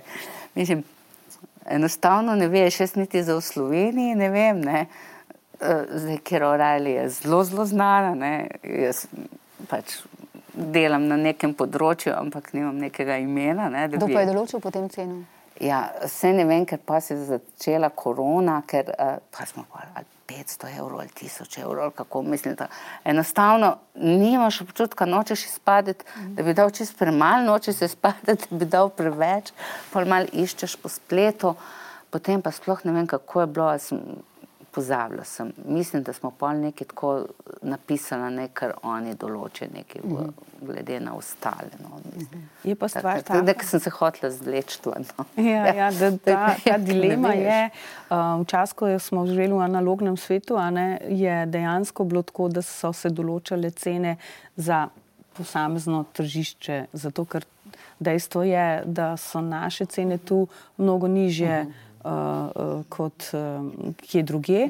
In, in potem ljudje ne razumejo, zakaj prideš ti s tako nizko ceno um, na nek mednarodni sejem. ne. In In potem se jim zdi, da je to nekaj, to pa nekaj čudnega, tako kvalitetno je. Pa, že, če to že samo izvedbo gledajo ne, in vsebino in vse skupaj, in, in reference umetnika. In, in, ne, tako da moraš, seveda, eh, je pa zdaj problem ta, da če ti pri, eh, narediš ceno, ki je za mednarodni trg, se ma, tukaj zna zgoditi, da se kdo zgraža, eh, koliko je pa to drago. ne. In zdaj, kje najdete to, eh, ta balans? Jaz mislim, da pač je treba pač doreči, tako je, taka cena je, ne glede na to, eh, kje si. Zdaj prilagajanje tržišču. Um, Do neke mere, a ne, ne moreš pa zdaj to uh, zdaj kar tako jemati. Se to ni uh, nekaj, da vržeš kocke, pa določiš pol. Ja, ni, Zdaj bomo ja, malo gledali, zdaj bomo Dejansko dali, si res. Um, Ja, če pa nimaš bi določil, tega, sigurno, da si na začetku, pa uh, je težko doreči ceno. Ne? Da ne boš šel premalo, da ne boš preveč. To so pa, zagate pol. Uh, Miro, o fotografiji, ki sem jo ti poslal, oziroma mi jo boš, uh, vi pa oba, o kateri govoriva, to je fotografija, ki um, si jo ti naredil ob um, prihodu beguncev v Slovenijo na meji. Uh, to je fotografija, gledalci jo bodo videli, um, kjer v bistvu v tvoj fotoaparat gleda en sam človek in to je otrok s takimi velikimi prestrašenimi očmi in odprtimi usti. Vsi drugi, ker na fotografiji je ogromno ljudi, vsi drugi odrasli so pa obrnjeni v bistvu proč od objektiva. Kako je nastala v bistvu? Nastala je 19. oktober 2015, sem šel prav pogledat danes na središču, v središču ob Dravi, mm. na enem prehodu. Mislim, da je bil to en prvih teh begunskih valov takrat, ko se je začel dogajati. Zelo deževen dan. Jaz vem, da sem stopil z avta, vročga in aparat se mi je mm, zarosil po domač poja in pol nisem vedel, ne, ali to delalo ali ne bo. In pa se kar naenkrat zgodil ta trenutek, ki je skupina teh eh, beguncev, migrantov bila pred tisto ograjo, naša policija jih ni spuščala čez ograjo, oni so se nagnetali, vsi so imeli neke take modre palerine na sebi, ki ja, so jih tam dobili. Ne. Eh, bilo je pa tudi veliko otrok, ki so jih imeli pa tako na ramenu. Ne. In pač normalna pozicija otroka na ramenu je, ne, mi smo pa tam stali na nekem na nekem zidu. No? In tam zraven je bil še en gospod, ki je eden izmed njih, ki je potem miril situacijo, da niso oni podrli tiste zadeve. Otroci so pa seveda ali okali ali pa ne močno gledali nazaj, ker so bili na ramenih staršev, mam, očetov, karkoli. Ne? In pač jaz sem v tistem trenutku videl to zgodbo malo drugače, ker večina je šla takrat naprej na ograjo, ne, kjer so se s policaji klešali, oni so špricali vsake tok časa s kakšnim tistim uh, pepper sprayem, s tem sozivcem iz Piksne. Uh, te otroci so bili pa tam in so praktično, um, kot da bi ugasnil, veš, v filmu zvok, mm -hmm. ki je neka eksplozija. Tako sem jaz to takrat videl in dojel in pa sem, začel, sem naredil prav eno serijo uh, Just Kids, no, mm -hmm. tako da tisto, tisto smo potem um, dal ven, seveda um, je zaradi vseh uh, znanih razlogov potem bilo to kritizirano v tistem trenutku ob objavi, da ja, mediji manipulirate, otroci to ni tako gor dol, kdo zdaj to hodi, ne, to jih imajo sam za za kuliso sabo in tako naprej. Ampak te otroci so tam bili ne, in to je bila moja naloga, da dokumentiram uh, to, kar se je tam dogajalo. In te otroci so tam bili na ramenih, doživljali so uh, tisto grozo, tisto hrup, uh, mrz in tako naprej, glitko kot vsi ostali tam. Mhm. In, in, ja, in meni se je zdela pač ta centralna, centralna pozicija otroka in vse tisto okolje in tista nemočna, v bistvu mhm. nekoga, ki nima vpliva na to, kaj se tam mhm. dogaja. Točno, točno tako zgleda. Ja. Otrok, ki nima vpliva, ja. dogaja se v bistvu neko življenje, ki je katastrofalno v tistem trenutku. Ja. Uh, jaz jo skratka nosim s sabo, da se vedno lahko pogledam, za koga tudi mi, kot novinari, moramo delati, ne, da vedno moramo gledati ta pogled, to, kar drugi ne vidijo. Ja. Ko te nosi v bistvu neka zgodovina, ko te nosi neko dogajanje, da treba te oči videti, katere koli že so, pač, ali te begunce, ali, ali ne vem, to, kar gospa Nada dela, ne, uh, skratka, brezdomce, ali, vse ranjene in vse prestrašene ljudi na tem svetu, to hočem reči. Um, ti si mi poslal fotografijo deklice Barbare. Ki ti je posebej ljuba, nastala je dolgo časa nazaj. Rekl si, da zdi se ti, da ni najboljša tvoja fotografija, da ti je pa ena, ena ljubših, ker je zadaj tudi ta ja. zgodba in kjer ste lahko nekaj pomagali premaknila. Ne? Ja, zato ker jaz sem pač zmeraj hotel um, delati dokumentarne zgodbe s tem namenom, da se um, da ima to, to neko. Veliko nas ima to neko romantično idejo, da, da bodo naše fotografije kaj spremenile, pa komu polepšale življenje, spremenile življenje na boljše. In kle se je to zgodilo v tej mhm. zgodbi. No. Eh, gre za, gre za uh, Barbaro, ja, um, ki ima imela, takrat je bila stara 11 let, Uh, je imela pa hudo obliko cerebralne paralize. Jaz sem jo spoznal, ker sem delal neko drugo zgodbo, pa so mi rekli, da bi naredil zgodbo o Barbari.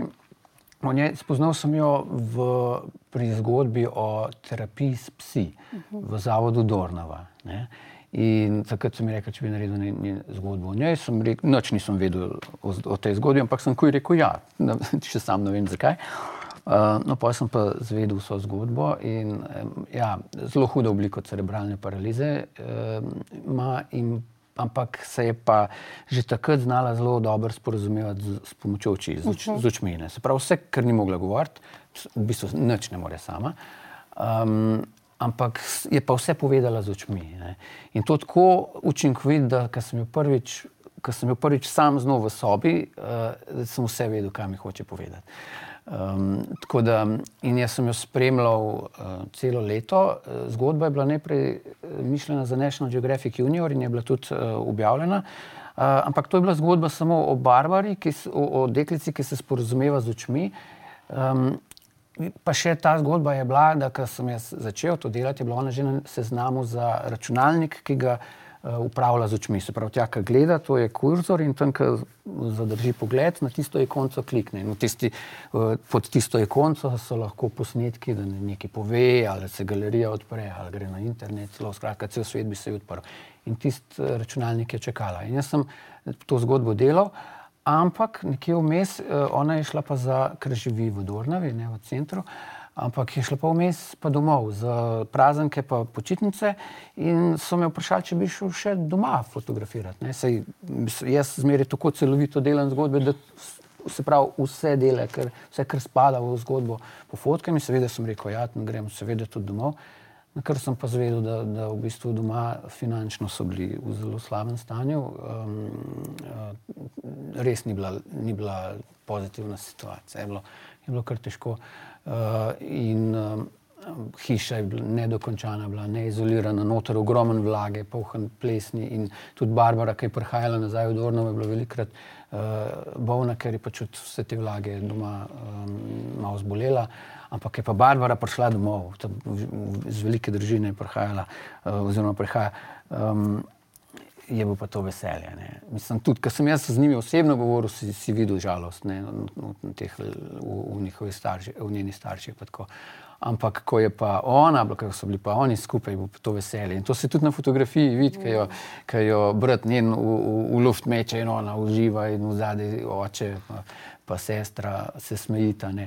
ampak v zadju je pa, je pa neizolirana. Uh, hiša, ne. Preko tednika oziroma RTV-ja ste potem. Uh... Ja, poj pa, poj pa uh, ko, ko je pač zgodba bila, uh, dobila Slovenija prej s foto nagrado, sem pa šel na tednik um, in smo naredili prispevek o Barbari.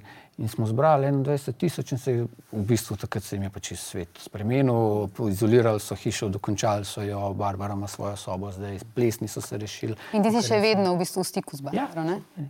Ja. Zdaj, za, za božič smo se spet slišali. Ja. Mhm. To je to, ne, ko rečejo ljudje, uh, se je samo stotinka sekunde, samo en klika. Ne, v bistvu je on mesece hodil, uh, v bistvu delo ja. zgodbo. Ne, delo zgodbo. Uh, gospod Barbara, vi ste mi poslali, um, ste rekli, malo starejšo fotografijo. Ampak da je na, nažalost tudi po 30 letih še vedno aktualna. Gre za fotografijo shoda za Bosno, januarja 1993 na kongresnem trgu v Ljubljani. Uh, pravite, nažalost se isto zdaj dogaja, uh, kar se je takrat v Bosni, podobno se dogaja uh, v Gazi. Um, ja, v bistvu se kmalo več ne bo dogajalo, ker ne bo imel več koga ubiti. Mm. Um, to je pa pač otroc, uh, oziroma ena skupina otrok, uh, drži, ena punčka drži transparent, kjer piše 7000 ubitih, tok eh, pač neke številke in potem dokdaj še. Daj še ja. ne, eh, in ta vprašanje, dokdaj še, je bilo leta 93 za Bosno, pa se je vmes zgodilo še mnogo uh, gorja po svetu, pa je zdaj to v Palestini, mislim, da mislim, s palestinci to v Gazi res. Nekaj najhujšega, in uh, ni konca, in ta, to je res brezup, uh, ko preprosto ne vem, kaj narediti, ker je ta dvoličnost tega sveta uh, presegla vse meje in šla čez vsa truplane. Tukaj gre za res nepredstavljivo stvar. Uh mhm. -huh. In v tem smislu sem pač zbrala to fotografijo. Uh -huh. um, In take fotografije v bistvu opozarjajo na to. Mislim, tako, če, jaz, ko sem jo odprla, ne, ko sem jo pogledala, uh, to so te stvari, ko si potem rečemo mi, ne, nikoli več, to se ne sme nikoli več zgoditi, to se ne bo nikoli več zgodilo, kar smo si rekli po drugi svetovni vojni, kar smo rekli po ja. uh, vojni v Bosni. Ne, in vedno znova gledamo. Ne, in če teh fotografij ne bi bilo ali posnetkov, ne, hočem reči, to ja. so stvari, ki ostanejo. Nek opomin. Ja, James Nachtway je, ki je imel pred leti uh, razstavo v Cankarjem domu, ki je mislim, da vse grozote tega sveta pofotografiral. E, je prav tudi to rekel, da za to fotografira. Mm. Za, za ta spomin in za ta nikoli več, ki se, se bojim, nikoli ne bo mm. zgodil. Mm. Ampak uh, pač to, to je to. Mm -hmm. Meni smo takrat, če se spomniš, nahtvoja, mislim, takrat je bila še oddaja epilog, sem na urednica Maja Sodja se z njim pogovarjala, mislim, da za, za epilog še.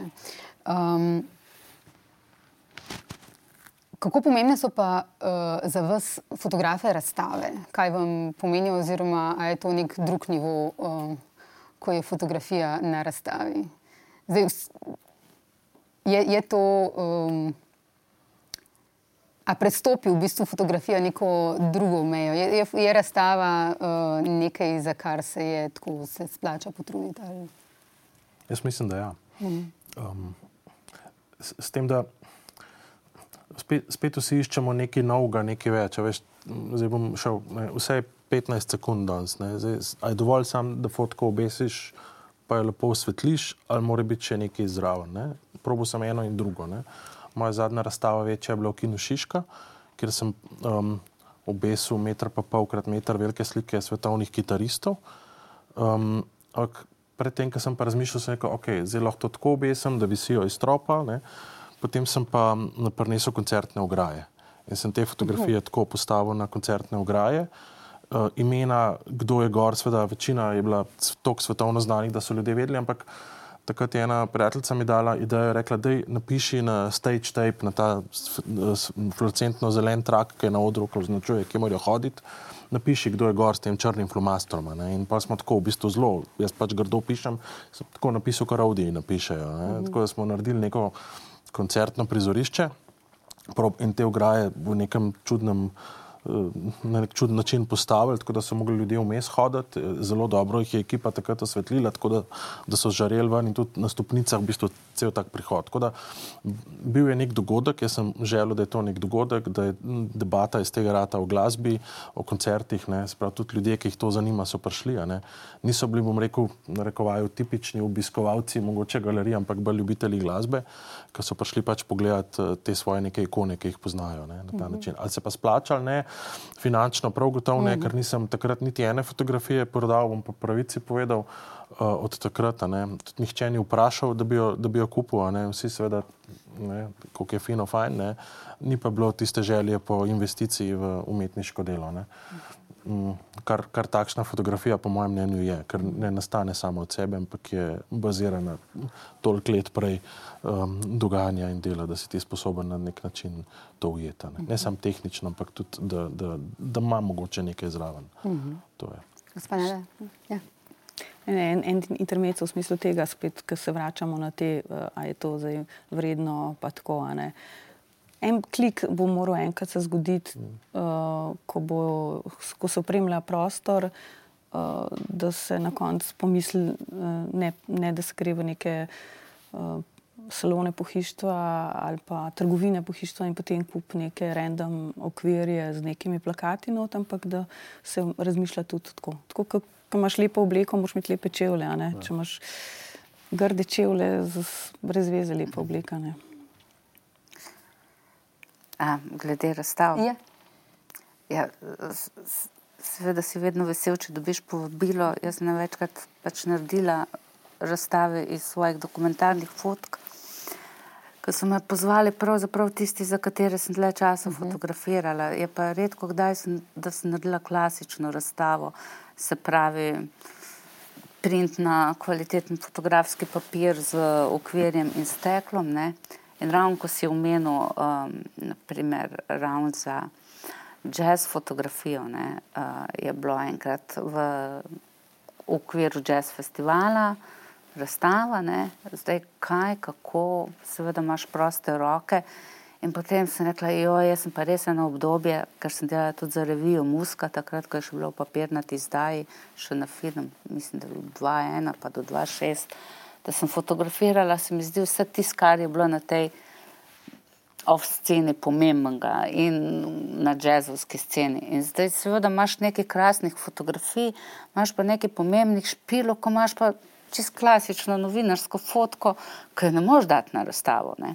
In pol sem se pogovarjala, kako bi naredila en kolaž in mi je pomagala oblikovalka Jasna Andrič in se rekla, jaz bi izpostavila te fotke, ampak jaz hočem dati to pa to pa to fotko zraven. Ne.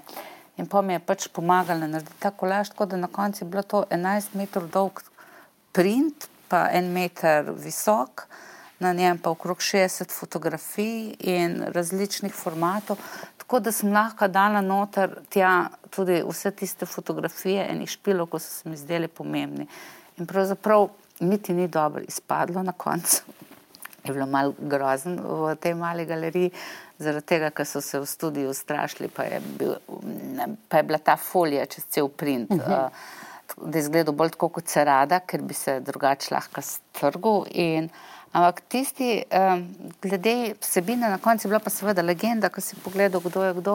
To je bilo pa zanimivo za vse te, ki ima ta scena v bistvu eh, ene take, ki redno to spremljajo uh -huh. in za njih je bilo to dosti bolj zanimivo iz stališča nekoga, ki je prišel pa na fotografsko razstavo, pa mogoče ne. ne. Uh -huh. Je pa res, da je potem ta print velik še bil parkrat razstavljen na kakšnih festivalih in naprimer v Cerknem, ki je bilo pa drugo okolje, ko je bil pod šotorom, kjer je bil razstavljen, je pa deloval mal manj grobo in uh -huh. dosti bolj privlačno uh -huh. kot pa v galeriji, kjer ni bilo tisto najbolj posrečeno. No. Uh -huh. Ali pa tudi dosti, kot sem že uporabljala projekcije ali karkoli. Uh, ja? V bistvu je razstava samo en drug način predstavitve Mini. tvojega dela. Mm -hmm. Tako, ja. Drugače diteraš, uh, za, uh, ko delaš knjigo, ravno tako lahko je klasična mm -hmm. knjiga, lahko je pa marsikaj. Ne? In tako je tudi tu sami.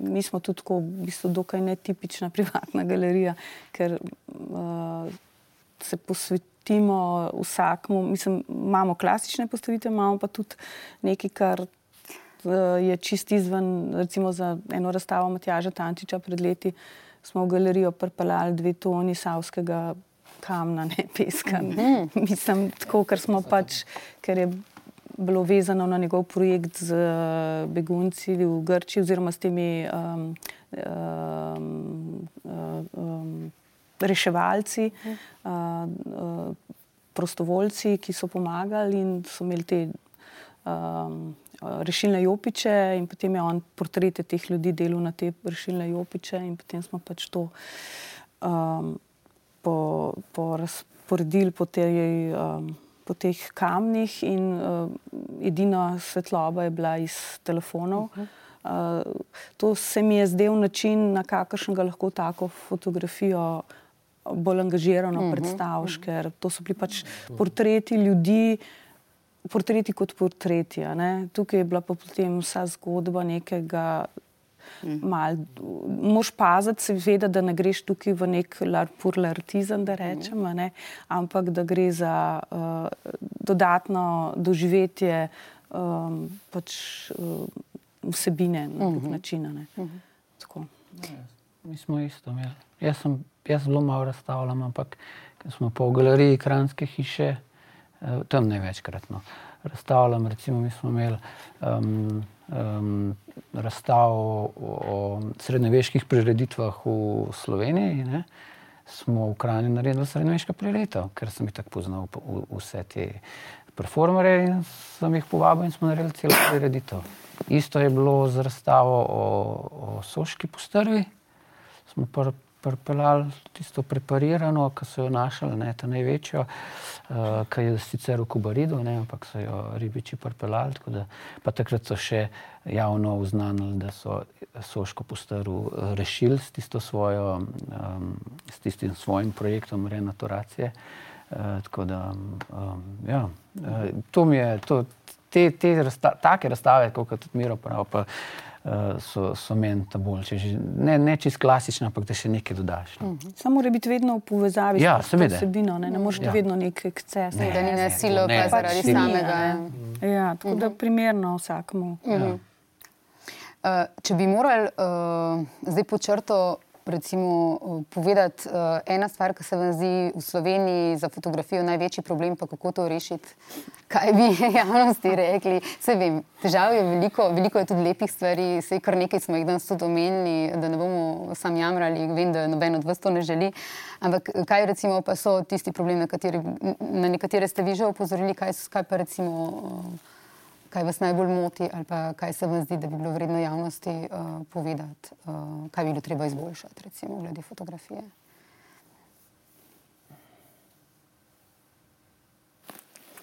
Nočemo jamrati. Ne, vse smo že marsikaj povedali. Ja, jaz ja, mislim, da smo že skozi to, veliko povedali. Na različnih področjih. Ne. Tako Ja, da- ker je na različnih področjih drugače. Ja, sam- Tako Boljše, za- boljše zavedanje o vrednosti, Ja. ja. uh, tudi država naj poskrbi uh, uh, za tiste stvari, za katere država mora poskrbeti. In vi ste omenjali olajšavo. brezprem- davčno olajšavo Ja, in to tako bo naprej. pripomoglo k prodaji, Ja. uživitvi Ja. trga, kar pripomore tudi ne samo uh, pač prostorom, kjer se te prodaje vršijo, Mm. se pravi galerijam, ampak seveda tudi uh, samim umetnikom, um, fotografom. Ja. Verjetno tudi občinstvo, to, kar smo govorili o zavedanju, a ne? Ja, na, treba- na način, na katerega, uh, kako ja. moramo gledati fotografijo in uh, zavedanje, mogoče tudi o vašem delu, kaj vse stoji za tem delom, To sem hotel reči, ja. uh, trenutkom, ne, kot je nekdo rekel, uh, kaj vse za tem trenutkom in zato, da fotografija zgleda in da pripoveduje, kar pripoveduje zgodbo, um, kaj vse to stoji. Um, Gospa Barbara, vi ste uh, za podcast številke nekoč pripovedovali, kako je bilo uh, zjutraj na prvi dan vojne za Slovenijo, ko ste se prebijali proti Brniku, so bile ceste že zaprte in um, da ste iskali pot do Brnika in ste ljudem morali povedati tam, ko so vas sprašvali, zakaj sploh iščete, ne, kaj, zakaj ne greste po cesti. Uh, ja, vojna se je začela in da ste takrat ko ste bili na tem terenu, ne, pa končajmo tudi s terenom, tako kot smo začeli, um, da se vam je takrat zazdelo, kot da vi ne bi izrekli teh besed, ne, ker so bile pač, ja, vojna se je začela, ste, ste rekli. Uh, surrealno, torej surrealistično, uh, neko tako doživetje na, na fotografskem terenu. Um, a so bili, vprašanje za štiri, tudi v vašem delu, kakšni taki surrealistični momenti? ki so, ki so vas mogoče, ki so vam ostali čez leta. Lahko jaz enega Ja, povem. povej. Leta 2014, ko se je začela Majdanska revolucija, mm -hmm. smo mi dva s Katijo Horvat poročala iz um, nekaj časa, sem bila tam. Pač poro, dnevno smo pač pripravljali in televizijske reportaže in fotke in tako naprej. Uh, in v enem momentu smo bila na tisti, na tisti prvi liniji, kjer se je to največ dogajalo. Z ene strani so nas špricali z vodo, bilo je minus 20, minus 25, uh, z druge strani so te, um, rekel, uh, ki so pač protestniki, ne, uh, um, z improviziranim, um, kaj se reče, katapultom, fračo, streljali molotov uh, koktejle. Ne, in, um, Novinari smo tam stali, nekaj nas je bilo. Ne? Vemo, da zdaj na vseh teh dogodkih je vedno ogromno fotografov in kamer, ne? tudi tam ni bilo nič drugače. In smo jedli sendviče. Tako en tak bizaren trenutek je meni ostal. In, in v enem momentu sem se jaz tam tako zavedel, da tle čez mene letijo gume, goreče, pa uno, ne, nam je pa ena gospa iz tam, ki je skrbela za njih, ne, prinesla pač nek toast, pa neki nota. Ne. In mi smo ti sendvič jedli in to smo jemali kot nekaj. Pač ja, okay, tukaj se ne, oni streljajo molotovi, mi pa jemo sendvič. En tak bizaren, uh -huh. bizaren moment je bil, ki sem ga mogoče še lepo kasneje uh -huh. um, nekako tudi dojel. Ne, in tako mi je bilo ok. Ne. Tako malo čudno mi je bilo vse skupaj in nisem se dobro počutil, ne, ker mi smo le tam in pademo noter v to zgodbo, smo 10-14 dni tam, poročamo. pa ste izven zgodbe. Ne? Ja, in potem, potem se lahko tako izoliramo, da gremo ob dveh po noč v lokal uh, na čaj, ne? oni seveda tam niso. Ne? In um, se mi ni zdelo, ni se mi zdelo, čuden občutek sem imel. No? Tako počutil sem se, kot da ne pašem tja. No? Tako nekako. Hkrati sem pa vedel, da je moja misija tam, da prenesem tisto zgodbo in da naredim fotko tistega, tiste frače, ki na drugo stran ne, spušča, zato da, da se ta problem reši. No? Tako.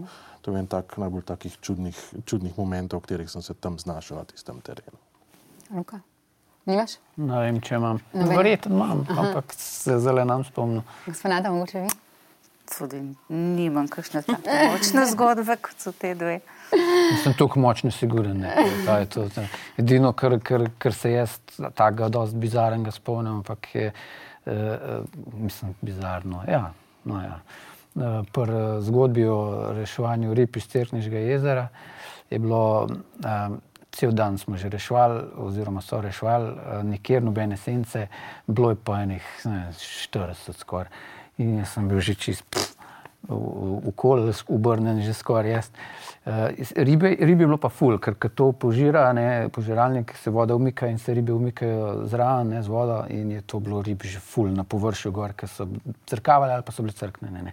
In noter so oni stali v vod in rešvali. In jaz sem rekel, jaz se moram ohladiti in sem šel z njimi tudi v vodo. Ne. Ker v hlačah, seveda, uh, ampak kaj sem ugotovil, da te ribe niso bile samo na površini vode, ampak je bilo plast rib, je bilo ene tokle. Tisti mi je bilo bizarno, to, to je bila čista ribja juha, to, uh -huh. tisti je pa bilo čudno. Uh -huh.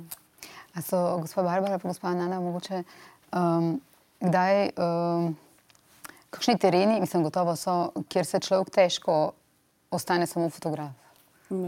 Ja, jaz imam zelo kratko, sicer fotoreportersko um, kariero, ampak jih je bilo nekaj, ker je bilo to ravno v tistih uh, burnih časih. Mm. Pred, pa med, pa malo pol po osamosvojitvi.